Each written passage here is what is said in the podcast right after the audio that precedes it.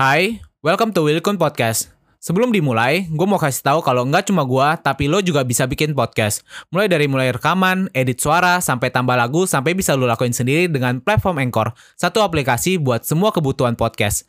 Bisa di-download dari App Store dan Play Store, atau bisa juga diakses dari website www.anchor.fm.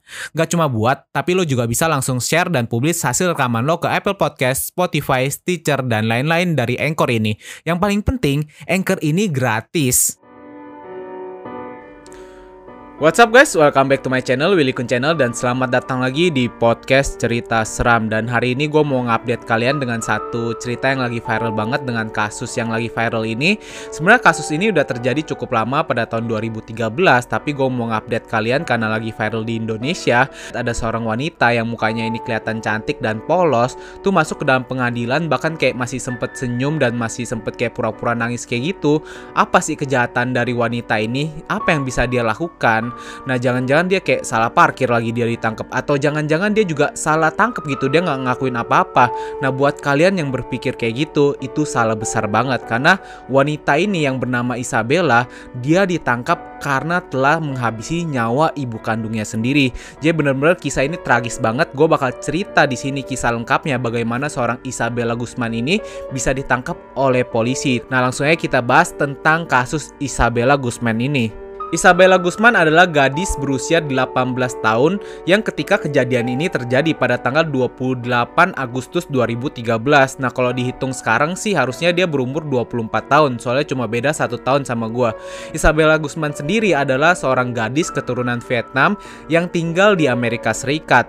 Nah ketika kejadian itu Isabella Gusman ini ditangkap karena dia telah menghabisi nyawa ibunya dengan cara menusuk bagian wajah ibunya sebanyak 31 kali dan menusuk bagian leher ibunya itu sebanyak 48 kali. Jadi kalau di total itu ada 79 tusukan di bagian kepala dan leher ibunya ini nih. Tapi yang paling seram ya seperti video yang kalian udah tonton, Isabella Gusman ini bahkan masih sempat untuk tersenyum dan pura-pura nangis di persidangan untuk memanipulasi persidangan itu.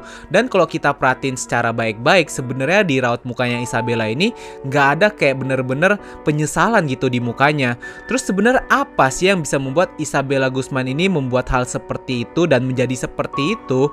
Menurut ayah kandung dari Isabella Gusman ini yang bernama Robert Gusman, sebenarnya Isabella Gusman Usman ini memiliki gangguan jiwa sejak kecil, tepatnya ketika ayah dan ibu kandungnya ini mau bercerai. Nah, setelah bercerai itu rupanya Isabella Gusman ini harus hidup bersama ibu kandungnya dan kejiwaannya ini semakin terganggu ketika ibu kandung Isabella Gusman ini mau menikahi seorang lelaki baru. Jadi dia punya ayah tiri yang bernama Rian Hoi. Menurut Rian Hoi sendiri, memang sebenarnya Isabella ini gangguan jiwanya itu udah semakin parah.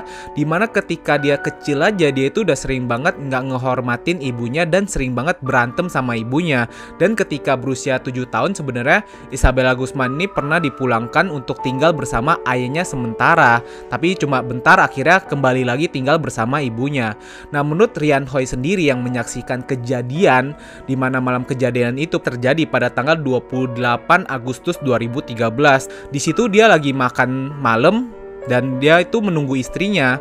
Dan pada waktu itu jam 9.30 akhirnya istrinya pulang. Dan dia itu mau mandi dulu istrinya. Ketika istrinya mandi ini tiba-tiba Rian Hoi ini yang di lantai bawah ini mendengar teriakan dari istrinya yang lagi mandi di kamar mandi di lantai 2 di situ Rian, Hal, eh, Rian Hoi langsung lari ke lantai 2 dan tepat di depan pintu kamar mandi. Dia kaget banget dia ngeliat ada darah yang udah berlumuran keluar dari dalam kamar mandi itu tapi pada waktu itu Isabella Gusman ini sudah mengunci pintu kamar mandi. Nah di depan pintu kamar mandi ini Rian sempat mendengar suara istrinya yang berkata Jehovah gitu. Nah buat kalian yang nggak tahu Jehovah itu apa, itu artinya adalah Tuhan. Jadi kayak istrinya ini udah bilang Tuhan, Tuhan gitu. Jadi kayak udah ada suara kayak orang kesakitan gitu. Nah setelah beberapa saat, akhirnya Isabella ini membuka pintu dan menurut Rian Ho yang menjadi saksi mata pada waktu itu, Isabella ini benar-benar sangat menyeramkan di mana dia berdiri tepat di depan pintu sambil masih memegang sebuah pisau yang mengarah ke bawah gitu. Dan tatapannya ini yang paling mengerikan, dia itu tatap lurus ke arah pintu doang gitu, nggak ngelihat ke arah muka Rian Hoi sama sekali. Dan setelah beberapa saat, Isabella ini jalan keluar dari rumahnya tanpa memperhatikan Rian Hoi sama sekali. Jadi kayak Rian Hoi itu kayak nggak di situ gitu. Dia nggak ngeliat Rian Hoi di situ, nggak menganggap Rian Hoi ada di situ. Nah setelah melihat hal ini, Rian Hoi ini melihat keadaan istrinya yang sepertinya sih sudah meninggal karena pada saat itu dia melihat istrinya itu matanya sudah ngeliat ke atas, tapi pada waktu itu juga dia masih sempat melakukan pertolongan pertama di mana dia melakukan CPR gitu yang neken dada untuk membantu istrinya bernapas. Nah, ketika itu juga akhirnya Rian Hoi ini menelepon 911. Setelah 911 mendapat telepon itu, polisi langsung datang ke rumahnya Rian Hoi ini dan melihat memang ada seorang wanita yang rupanya adalah ibunya Isabella ini sedang terbaring di bawah eh, lantai kamar mandi tanpa busana. Di situ mereka juga melihat di samping jasadnya ini ada tongkat pemukul baseball gitu yang diperkirakan mungkin aja dipakai oleh Isabella juga sebelum menusuk ibunya. Dan ketika itu polisi melihat ibunya ini memang sudah dalam keadaan yang sangat tragis banget di mana di bagian mukanya yang tadi gue ceritain 31 tusukan kemudian di bagian lehernya ini ada 48 tusukan. Pokoknya totalnya itu 79 tusukan di bagian wajah. Jadi bener-bener keadaannya itu udah tragis banget dan udah nggak bisa ditolong sama sekali dan akhirnya Isabella pun menjadi seorang buron pada hari itu. Dalam pengejaran Isabella Guzman ini, ayah kandung dari Isabella Guzman yang bernama Robert Guzman itu memberikan kesaksian sebenarnya ayahnya ini udah sering banget ngedenger dari ibunya itu kalau Isabella ini mempunyai jiwa yang nggak penurut, jiwa yang pemberontak gitu. Nah di sini dia juga sering denger banget kalau mereka itu udah sering berantem. Padahal sebenarnya ibu dari Isabella Guzman ini sangat menyayangi anaknya. Di situ ibunya juga sangat pekerja keras, semuanya dilakukan untuk anaknya. Tapi sayang banget anaknya ini si Isabella Guzman ini nggak pernah ngehargain apa yang telah dilakukan oleh ibunya. What's up guys? Sebelum kita lanjut, kenalan dulu yuk sama temen gue, namanya Anchor. Anchor ini adalah all-in-one podcast editing platform yang membuat gue lebih mudah untuk rekaman, edit suara, tambah lagu, dan segala hal dalam pembuatan podcast yang sedang lo dengerin kali ini. Anchor juga bisa jadi temen lo juga loh. Cara tinggal download dari App Store atau Play Store atau juga bisa diakses di www.anchor.fm.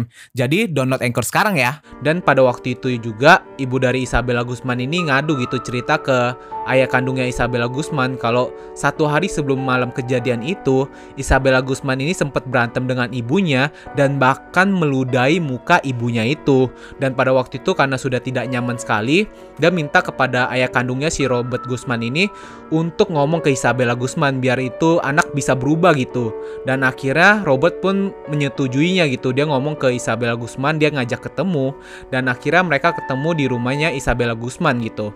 Nah, ketika mereka bertemu ini, ayahnya Isabella Guzman menceritakan pada waktu itu mereka itu sempat ngobrol di halaman belakang rumahnya. Mereka itu duduk kemudian sambil melihat pepohonan dan hewan-hewan yang ada di halaman belakang rumahnya. Di situ ayahnya menjelaskan kepada Isabella Guzman, dia itu harus menghormati kedua orang tuanya gitu, kasih respect lebih besar, jangan menjadi anak yang pemberontak. Coba ikutin atau turutin dulu kata-kata orang tua kalian, maksudnya orang tuanya dia gitu pada waktu itu. J nanti ke depannya jadi baik-baik aja gitu kalau dia melakukan hal itu. Jangan menjadi anak yang pemberontak. Dan setelah percakapan itu sebenarnya ayah dari Isabella Guzman ini berharap itu udah menjadi turning point lah, udah menjadi satu titik di mana Isabella Guzman ini sadar gitu jangan seperti itu lagi. Tapi sayangnya setelah obrolan itu yang diharapkan ayah Isabella Guzman ini Isabella Guzman bisa berubah, di situ dia malah ngemail ibunya dan dia bilang kamu akan menebusnya. Nah setelah menerima email itu, ibu dari Isabella Guzman ini merasa tidak nyaman gitu. Kenapa anaknya itu bisa ngemail dia seperti itu dan akhirnya dia telepon lah 911 dia ngelapor ke polisi kalau sepertinya sih ini surat ancaman dari anaknya. Dan pada pagi harinya di hari kejadian itu polisi sempat datang dan bilang ke Isabella Guzman sebenarnya ibu kamu tuh bisa mengusir kamu dari rumah kalau dia mau tapi di sini ibunya ini sangat menyayanginya dan tidak mau mengusir anaknya gitu walaupun dia sudah melakukan hal seperti itu. Dan setelah anaknya ini diperingatkan oleh polisi, sebenarnya ibunya juga berharap e, kayaknya ini udah deh, udah cukup gitu, jangan melakukan hal lebih lagi dan akhirnya ya udah ibunya pergi kerja kan. Tapi sayangnya ketika ibunya pulang kerja malah terjadi hal seperti ini. Setelah kejadian itu, sebenarnya ayah kandung dari Isabella Guzman ini juga menceritakan dia nggak bisa percaya sama sekali putri kecilnya itu melakukan hal seperti itu. Bahkan dia masih bisa teringat di pikirannya ini, Isabella Guzman itu seperti princess kecil lah buat dia. Nah dia juga bahkan masih inget banget di mana ada foto di Facebooknya itu, foto anaknya itu masih pakai baju Hello Kitty dan mukanya itu super innocent banget kayak dia nggak kepikiran gitu kok anaknya bisa ngelakuin hal seperti itu. Jadi ayahnya bener-bener hancur banget hatinya pada waktu itu karena anaknya udah menjadi buron karena kasusnya ini juga parah gitu. Masa dia menghabisi nyawa ibunya sendiri gitu jadi ayahnya benar-benar sedih banget lah.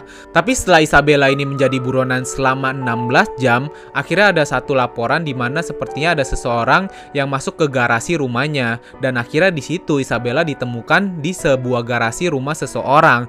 Nah di sini sebenarnya Isabella Guzman itu sempat nggak ditemukan di dalam mobil karena di dalam mobil itu cuma ditemukan pisau yang digunakan untuk menghabisi nyawa ibunya.